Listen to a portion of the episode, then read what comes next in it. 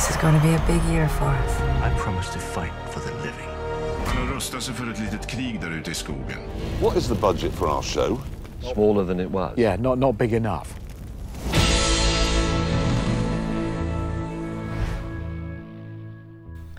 Hej och hjärtligt varmt välkomna till Streamingpodden och den här gången är det avsnitt nummer 15. Det är som vanligt med mig, Jonas Rydholm Birmé och min kollega Magnus Svensson. Vi är båda från Ivan Technology. Idag ska vi prata helt och hållet om Codex. Eh, hela avsnittet kommer att handla om det. Vi kommer också prata om lite nyheter i branschen och eh, bjuda på några streamingnyheter från, från veckan som har gått. Eh, hej och välkommen Magnus först och främst. Hejsan! Kul att ha dig här igen. Eh, Codec ska vi prata om som sagt. Mm. Och vi kan väl börja med att Eh, förklara. Nu tror jag säkert att många som lyssnar på den här podden redan vet vad en codec är. Men det kan ju finnas de som inte riktigt vet vad det är. Så för att få alla på samma nivå så kan vi väl börja med att lite kort eh, beskriva vad, vad en codec egentligen är. Och eh, codec är väl egentligen kort för eh, coder and decoder kan man väl säga. Och eh, den här komponentens huvudsakliga syfte det är att komprimera data kan man säga. Och inte vilken typ av data som helst utan videodata eller ljuddata för den delen. Eh, det vi kommer att prata om idag är väl framförallt videokodex om vi ska vara tydliga så. Eh, och eh, det finns ju en hel del eh, olika ska man säga, standarder. Det finns standarder och sen finns det, jag skulle nog kalla det mer initiativ. En, Mm. en, en branschinitiativ och standarder. Och jag tror att egentligen så är det få som bryr sig om den stora skillnaden Mm. egentligen. Men det, det finns ett antal standarder som, som standardinstitut eh, gemensamt kommer fram Mm. till. Och sen har vi några branschinitiativ där det är mer företag som går ihop. Att Mm. sätter sig en, en, en grupp och, och kommer överens om ett alternativ till standard kan man väl Mm. säga. Och där kan man väl då nämna att vad, vad handlar de här standarden om då? Så att säga? Jo, men det är väl, det är väl lite, fler, lite olika saker. Men en sak är såklart hur, alltså själva protokollet. Hur ska bitströmmen se ut? Hur, hur, det, på vilket sätt paketeras all data? Men eh, utöver det så är det också massa saker kring hur, eh, alltså olika komprimeringsalgoritmer och eh, verktyg för att eh, kunna göra komprimeringen på, på lite olika effektiva sätt. Och där är ju, det är ju något som hela tiden sker utveckling inom. Mm. Och eh, det finns ju väldigt mycket eh, matematik bakom många, om många av de här algoritmerna som används och eh, som sagt det sker utveckling hela tiden. Och det är den här typen av eh, algoritmer och verktyg som tas in i en standard. Då. Om vi tar den här vanligaste kodeken eh, som eller ja, än så länge i alla fall är AVC eller MPEG-4 eller H264 som gått under många namn. Den innehåller ju då, förutom då eh, information om hur du ska eh, tolka bitströmmen som kommer, alltså alla bitar och bytes som kommer, så har den ju också då olika sätt att hantera eh, ja, olika verktyg för Mm. att göra själva komprimeringen. Ja, samma, man kan ju säga att samtliga av de här kodekerna vi pratar om är ju egentligen en, en stor verktygslåda med ett Mm. antal olika verktyg för att, att komprimera videofilmerna eller videobilderna Mm. på bästa sätt. Och sen kan man välja att använda en eller flera av dessa verktyg. Mm. Och sen då finns det som du var inne på då, vi har ju då olika organ eller standardiseringsorgan som, som består av eh, allt, alltså alla olika, de som bidrar in i, alltså rent konkret med, med eh, intellectual property så att säga, alltså helt enkelt kommer med algor- algoritmerna. Eh, men då är också de som då kanske ska implementera eh, själva kom, alltså kom, bygga komponenten alltifrån mjukvara till hårdvara som både komprimerar och dekomprimerar. Som sitter med i den här sammanslutningen och eh, eh du nämnde MPEG är ju, är ju en sådan och eh, sen har vi ju då eh, Alliance for Open Media som är en annan. Vilka fler har vi? Som, Ja, det är väl de, framförallt de två största. Jag vet Mm. att JPEG är ju involverade Ja, just det. i någon form av partnerskap. Och det var faktiskt ganska nyligen, jag tror det var till och med igår eller i natt jag läste att eh, de har tajtat ihop sitt samarbete runt EPEG och JPEG och, och försöker att titta på hur de kan enas om att eh, det finns något som heter Subcompt 29 som har standard, hjälpt till att standardisera och drivit gemensamma standards framåt Mm. som nu kommer formaliseras lite mer. Jag har inte hunnit läsa speciellt mycket om exakt vad det Mm. innebär men Nej men och, och som sagt då, då och, och såklart de, de här olika algoritmerna och eh, de inno- innovationerna som finns med i de här.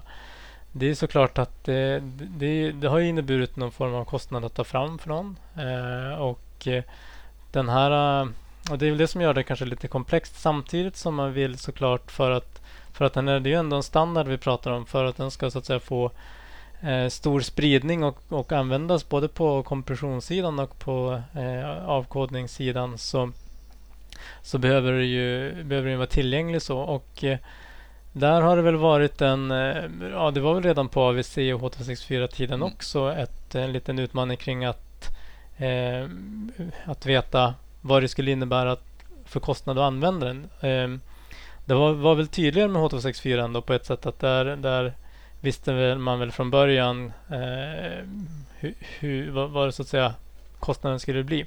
Och hur, hur betalar man då, eller hur, hur fördelas den här kostnaden helt enkelt? Eh, är, ju en, är ju nästa fråga och där, det har ju faktiskt inte MPEG som standardiseringsorgan. Eh, det är inte de som sitter och bestämmer priserna sådär utan då det är ju de som äger de här eh, IP-rättigheterna som, som har varit med och bidragit. De kan i sin tur gå ihop kanske och eh, ta betalt eller licens eller royalties. Eh, nu, nu är det ju få som så att säga på eller som på egen hand, eller det skulle bli ganska råddigt att hantera om det var, säg att du har, säg att det, jag vet inte hur många kan det vara, 10 eller 20 IP-rättigheter som Jag tror det är till och med fler än så. Ja, som ligger, och då skulle man som användare av den här kodeken ska då betala eh, till 20 olika ställen eller 30 eller många det är. Och det blir ganska svårhanterligt. Och då brukar de här som äger de här IP-rättigheterna eller patenterna till och med gå ihop och eh, stifta en pool. Så att du som användare du betalar till ett ställe och sen så fördelar de ut det eh, till de som är, är med i den här poolen. Eh, och det, det i sig är väl inte ett problematiskt koncept som sådan. Eh, men det som väl kanske har varit problematiskt det har väl varit eh, i att om vi tar nästa versions kodek, den som kommer efter AVC som heter HEVC eller H265. Där har det väl varit en utmaning kring att eh, man inte kanske riktigt det vetat vad det kommer att kosta. Ja, framförallt har jag tror att de flesta har varit rädda för otydligheten i Mm. vad det har varit. Det har, de har släppt på vissa bitar och ibland är det, det är fortfarande väldigt otydligt. Kommer det komma kosta mig en massa pengar eller Mm. inte? Och det har gjort att fortfarande så har ju HIVC inte riktigt tagit fart.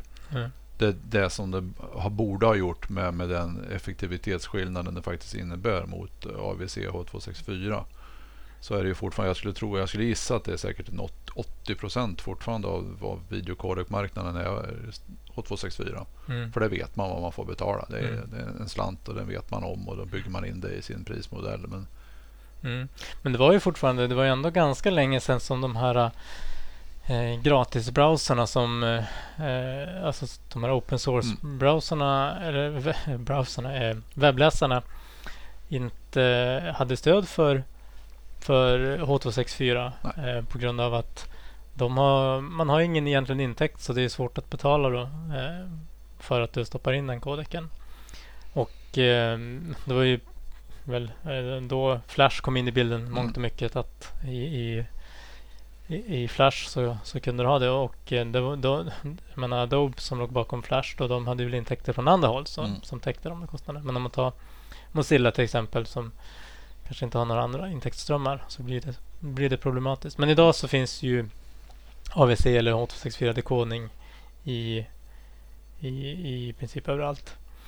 Eh, men, men precis, nu har vi pratat om, om, om själva standarden. Om vi, tar, om vi tar AVC fortfarande eller H264, det är ju en standard. Sen så har du ju olika implementationer av, Mm. av själva kodeken. Eh, en vanlig där är ju X264 Mm. som eh, som väl är eh, den i sig är väl jag blir lite osäker vad de har för licensmodell om den är helt öppen eller eller hur den är. Men den är i alla fall väldigt lättillgänglig. Den, den är under GNU, GPL. den är Ja. open source. Ja, Ja. precis. Så att de, den distribueras källkoden till och du kompilerar den.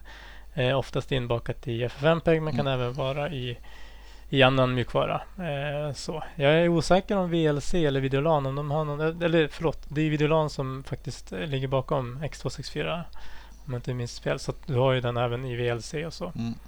Jag tror det är samma man kan plocka in ganska enkelt och få med på FFmpeg också. Mm. Så att eh, det är väl oftast har väl standardiseringsinstitutet brukar ju plocka fram en, en referensimplementation av standarden Mm. som man kan utgå ifrån och sen finns det de som, som optimerar och bygger dem lite bättre och lite snabbare. Mm. Men sen så finns det naturligtvis eh, eh, kodektillverkare som, som implementerar sina egna kodex av, av ja, AVC eller H264. Ehm, så. ehm, på, och nu har vi pratat AVC och HEVC lite grann som är ju då eh, MPEG. Eh, men sen så har vi ju VP8 och VP9 som jag, jag kan inte riktigt exakt historiken bakom dem. Men, eh, men de är ju i alla fall i alla fall VP8 är ju helt fri från eh, royalties. Eh, för att de är fel här Magnus. Men jag tror Mm, att det är de. Och VP9 är väl egentligen nära där också skulle jag Mm.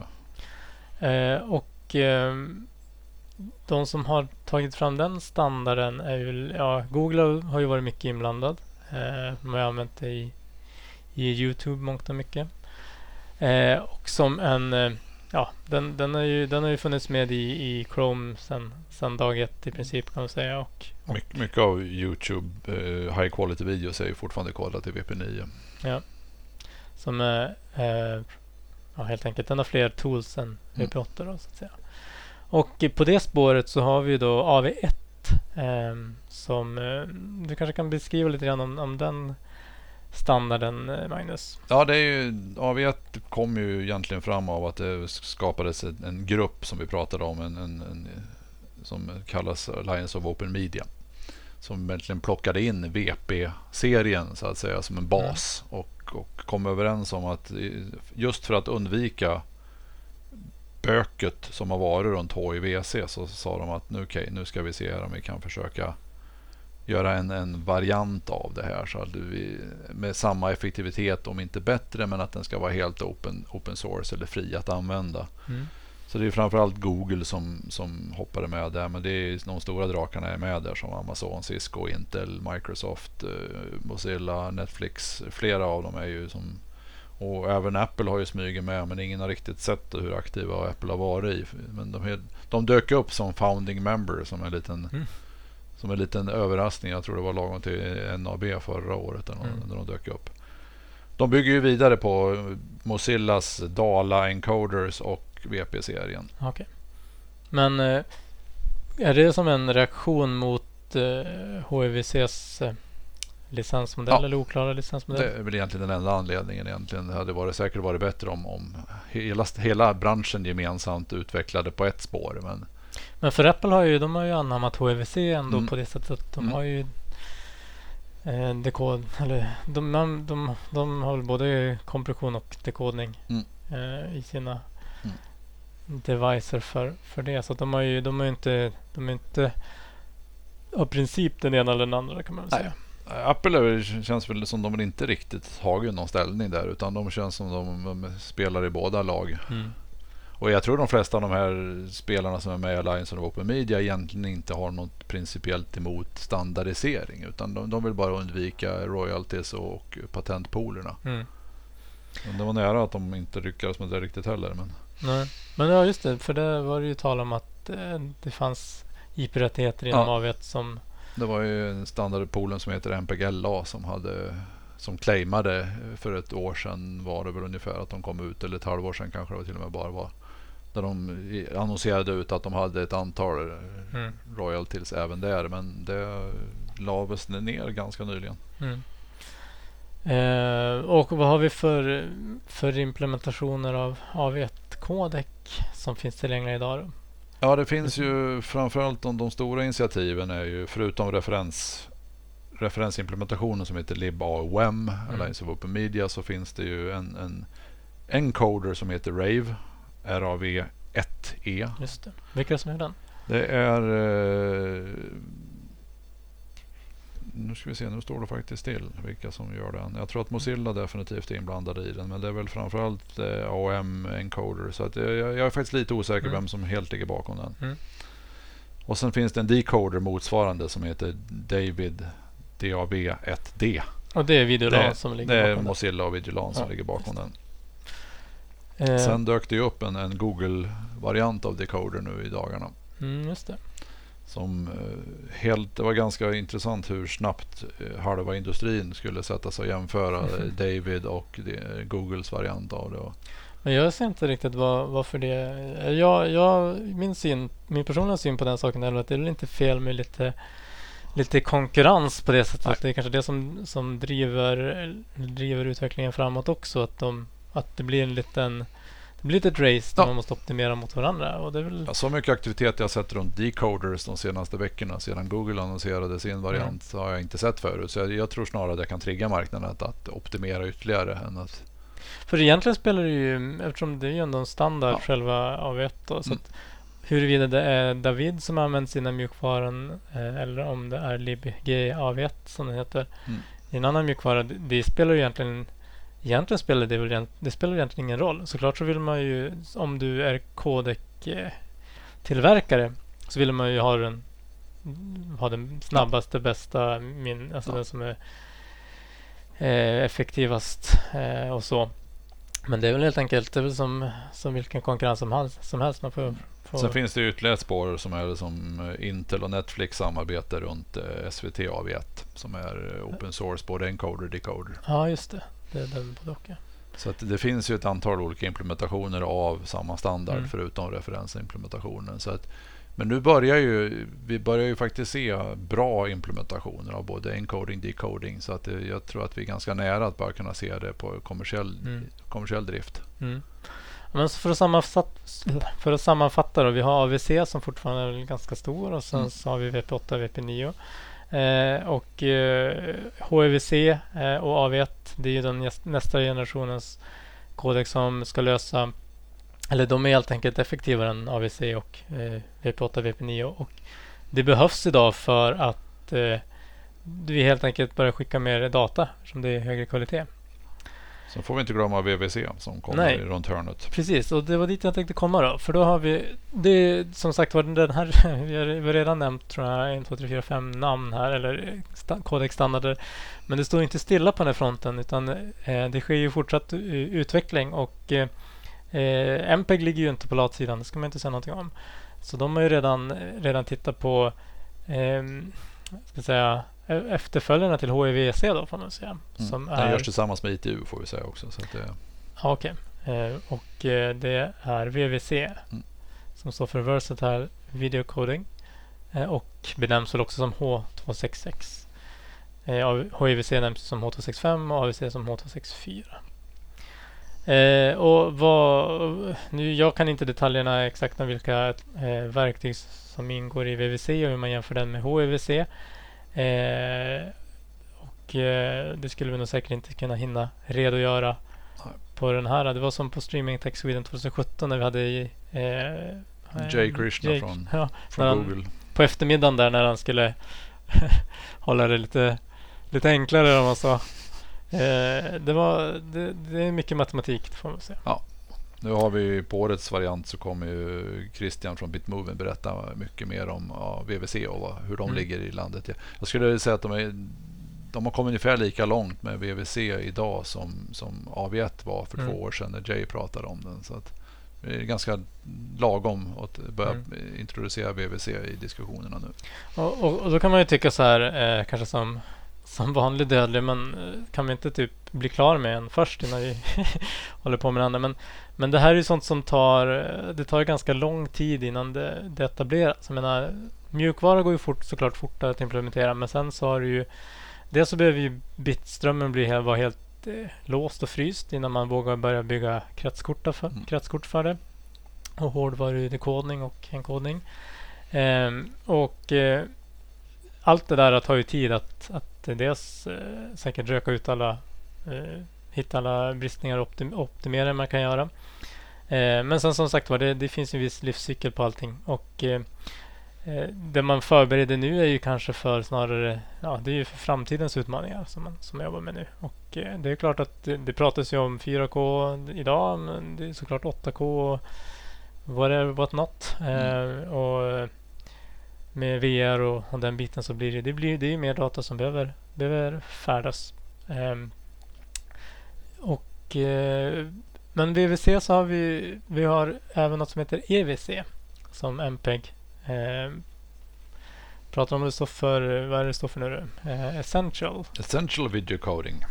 Och eh, som jag har förstått den biten i alla fall är att de, de har väl kanske redan lärt sig av utmaningen med HVC med vad det kommer med licenser, patentpooler och, och, och IP-rättigheter. Och tanken med EVC som eh, ska vara någon form av den ska innehålla en baseline helt enkelt. Den ska innehålla de tools som du som behöver för att kunna ja, ändå vara bättre än, än, än kanske HEVC. Men, men, eh, men vara var fri från, från eh, de här eh, dyra uh, verktygen. Mm. Som, uh, och, så det är väl andemeningen. Men sen vet man väl idag kanske inte riktigt exakt vilka det är eller kommer vara. Men de lägger upp det på sånt sätt så att man kan, kan plocka in och plocka ut. Jag menar, mm. Kommer det någon, finns det någon tool där som någon har något patent på och som bara vill spela patentspelet eh, så att säga? Att inte egentligen ha någon vinst av att eh, bidra med kodeken men, men råkar äga delar av ett patent och vill claima massa pengar för det så kan man ta beslutet att ja, men vi anser att den här inte var tillräckligt viktig för att den ska vara med i EVC. Eh, som jag har förstått det. Eh, och det här är kanske någonting också som, som eh, Christian kommer att prata lite mer om mm. på, på Streaming Tech i år. Men sen så har vi också LCEVC som står för Low Complexity Essential Video eh, Coding. Och den, eh, syftet med den delen då, det här är ju en, en del då, eh, en delstandard får man säga. Det är att den ska vara anpassad för eh, ja, vad ska man säga? Det ska vara... Eh, den ska ha verktygssätt som inte är så tunga komputationellt. Alltså att, att, att rent beräkningskapacitetmässigt. Så att du kan ha tunnare devices och, och eh, mer miljö eller energisnåla devices kanske. Eh, om man, att man kanske kan koda någonting i, med LCVC som är anpassat för då just den, den mm. typen av devices. Och det, då kanske inte själva kompressionen är lika lika Nej. bra. Men, men, eh, det finns nog de som hävdar det också, att de har tagit de tillräckligt bra bitarna. Det är den biten som jag har förstått så ligger Vianova och Perseus Codecen ganska mycket bakom. Mm. Så att det finns, det finns lite och jag, jag, såg just här en intressant fakta att vi pratar om att det har ledtider. De första kraven för VVC skrevs 2015. Mm. Mm. Så att ungefär att plocka fram till den första versionen innan vi ens har det som fryst bitströmmen som du pratade om så är det mm. fram till nästa år. Så att mm. En ledtid på fem år att standardisera först och sen har vi säkert nästan lika lång tid innan det är allmänt ute i alla mm. enheter. Ja, nej, men som sagt var, det är eh, lite grann av en djungel och, eh, men det gäller att man har, har koll på vad som händer här framöver. Eh, Dock får man ju hela tiden förstå att det kommer hela tiden att, att förändras och komma nya saker som mm. utvecklingen hela tiden går framåt. Ja. Och det är vi som driver den framåt också. Så vi konsumenter som vill ha bättre kvalitet och ja, och så. Jag tror att vi, och vi gör det redan nu, men jag tror att vi måste lära oss leva med en, en multicodec-värld framöver där vi kommer att ha ett antal olika codecs som och även de här transportprotokollen som både HLS och, och MPEG Dash tittar ju på att göra det enklare att ha olika codex i samma mm. videofil. Mm. Eh, och när vi pratar om det då kan man väl nämna då att eh, det var ju tidigare tal om, jag vet inte när det kom, var det två år sedan? Så där det pratades om att MPEG Dash som är en standard streamingformat standard eh, skulle MPEG LA som är en patentpool som vi har pratat om tidigare eh, skulle ha, eh, kräva royalties eller licens för, för användandet av det. Men det har man nu backat på helt enkelt. Mm. Man insåg väl att, att eh, när du samtidigt eh, konkurrerar inom citationstecken med Apples HLS som är helt fri så eh, är det väl svårt att få en bra, eller det bidrar inte till en adoption rate på ett positivt sätt kan man väl sammanfatta det. Eh, med det så tror jag vi tar en liten paus för veckans streamingnyheter och vi är alldeles strax tillbaka. I samband med senaste uppdateringen av Apples operativsystem på Apple TV finns det nu stöd för att växla mellan olika användarprofiler.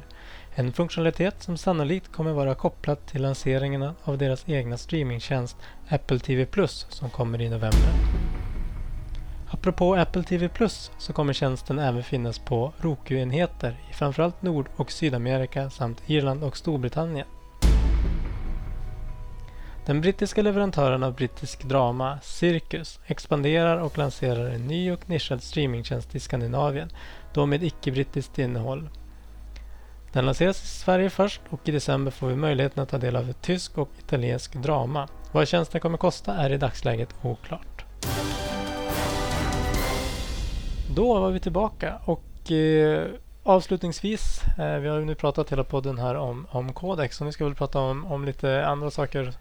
Vi kan väl nämna några förändringar här på streamingarenan eller vad man ska kalla det.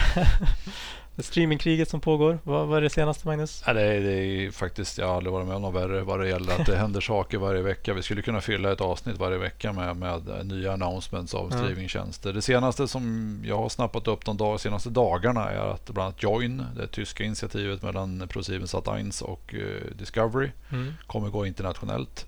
Mm. Lite oklart när och hur mycket, men de kommer gå internationellt med sin Join-tjänst som nu har vuxit väldigt mycket i Tyskland bara på de sista månaderna. Men kommer den internationella tjänsten vara eh, avåtjänst fortfarande eller är det en Mm, Så tolkar jag det, men det var just runt den internationella biten var det ganska vagt i ut, Mm. uttalandet de gjorde. Men eh, ambitionen finns att den kommer gå en avordstjänst internationellt. Med. För menar om det, om det blir en ytterligare SO-tjänst så, som vi har pratat om tidigare, Mm. det är ju redan en ganska trång marknad. Eh, men sen kan det väl finnas, jag vet inte hur det ser ut på rättighetssidan, om det kan vara en sån, sån sak som kan, kan, kan spela in i det hela också. Ja, definitivt. Sen har vi ju efter det så har vi sett eller, samma dagar så kommer ju även Rakuten TV och, och eh, pratar om en, en, en europeisk avvåldstjänst. Vad har de för innehåll då?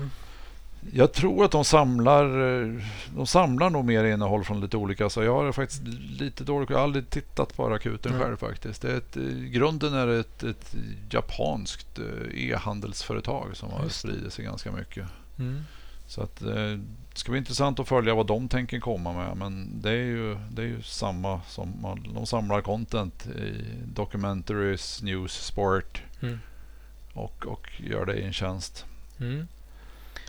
Och sen har vi ju till sist så läste jag nu som jag har ännu mindre fakta om. Men jag läste nu, jag tror det var igår eller förrgår så var det AMC som gick ut och ska göra en. Till skillnad från många andra så gör de varken SVOD eller AVOD utan de går ut med en TVOD och EST-tjänst. Okej. Där du köper eller hyr filmerna liknande iTunes. Mm. Exakt vilken content de kommer komma med eller något sånt. Men de slår sig in på en liten annan del av marknaden i alla fall där man hyr och köper filmer. Och AMC det är ju en stor Ja, Bio- kedja. Ja, AMC Eh, Theaters. Ja, och då, då blir den intressanta frågan, kommer de då ha, kommer det vara, vara biofönsterfilmer som de kan ha Mm. eh, så att säga online? Det spekuleras redan i det lite och de, de pratar om att det ska kosta en, en mellan 3 och, och 6 dollar att hyra en film och man kan köpa dem mellan, mellan 10 och 20 dollar har jag Mm. sett. Så att, Mm. eh, personligen har jag fortfarande inte riktigt förstått varför man i dagarna köper filmer och på, liksom, på digitalt. Men det finns alltid de som vill ha. Nej men är det inte så, tänker jag i alla fall, att man köper det för att ha för, för nu är ju fönstren här, alltså rättighetsfönstren är upplagda så att ska du ha någonting först så får Mm. du köpa det. Ja. Sen om du vill hyra så måste du vänta. Ja. Så det är nog kanske inte ägandebiten som är drivande faktorn idag utan den är mer tillgänglighetsbiten, att du Mm. får en tillgänglighet tidigare. För jag håller med dig, jag är, det har vi inte ens någonstans du kan lagra. Nej, det blir säkert- på något vis. Vet du att du har kvar den där tjänsten om ett år när du väl har köpt den och sådana saker. Det har ju Mm. funnits många initiativ med att man ska ha med gemensamma vaults Mm. och lagringsställen för de köpta filmerna. Och, men vad AMC går ut med säger de att de kommer att ha ungefär 2000 filmer för hyra och köp. Det Mm. första de Ja, de kanske redan har Ja. byggt på ett bibliotek på. Så att nog händer det någonting på marknaden. Jag är ganska övertygad om att imorgon kommer vi läsa om nästa.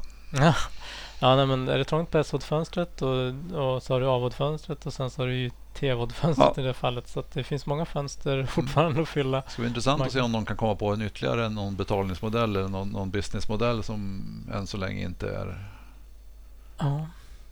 Inte varför jag vet vad det är just nu, men det skulle vara intressant för vi har ju de här traditionella. Fast det är det är ja precis. Sen så har vi fortfarande de här olika fönstren som är Mm. i någon mening också kopplat till det. För det är väl eh, ta subscription-biten. Där är ju, men det är klart det där förändras ju i och med att du skapar ditt eget innehåll. Då har du ju alla möjligheter att göra där. Mm. Kasta om kuller. Jag menar Netflix har, ingen, har inte något nödvändigtvis ett biofönster för, för sitt innehåll som de själv, själva skapar. Eh, och så.